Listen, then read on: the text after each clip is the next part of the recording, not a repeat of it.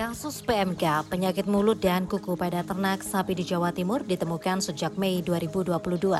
Hingga Januari 2023, total terdapat 195 ribu kasus. Pemerintah Provinsi Jawa Timur melalui Dinas Peternakan menyatakan 95 persennya sembuh, sementara 1,2 persen masih sakit.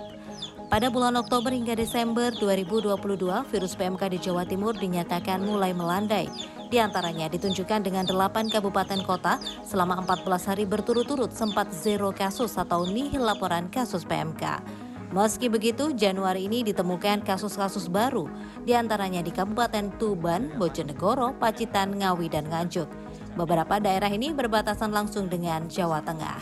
Memang coverage vaksinasi kita, cakupan vaksinasi kita kan memang belum 80 persen ya. Jadi itu kita masih mengejar itu. Terus yang kedua juga adanya lalu lintas ternak yang sudah mulai menggeliat untuk uh, ekonomi dari peternak, jualan pipit, jualan sapi bakalan, jualan sapi untuk dipotong. Nah ini juga berpengaruh dari lalu lintas itu terhadap penularan. Belum lagi ini musim penghujan.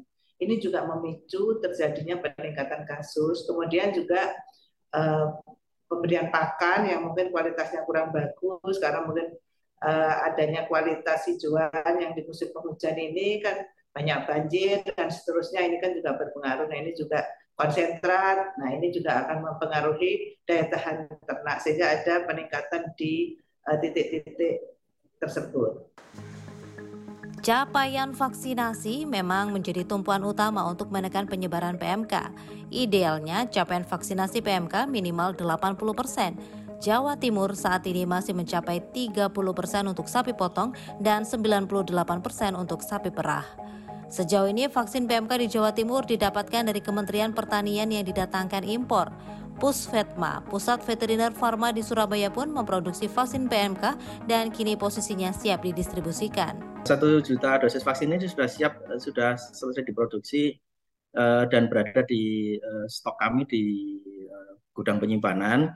Uh, yang 500 ribu dosis uh, ready to use uh, siap digunakan, yang 500 ribu dosis dalam bentuk bulky menunggu untuk proses pendaftaran atau menunggu untuk proses vaksinasi selanjutnya. Jadi kan ada batasan terkait dengan ekspirasi dari produk. Jadi kita nanti begitu yang tahap pertama nanti bisa digunakan, kemudian nanti dilanjutkan dengan tahap kedua, jadi siap untuk digunakan di target berikutnya.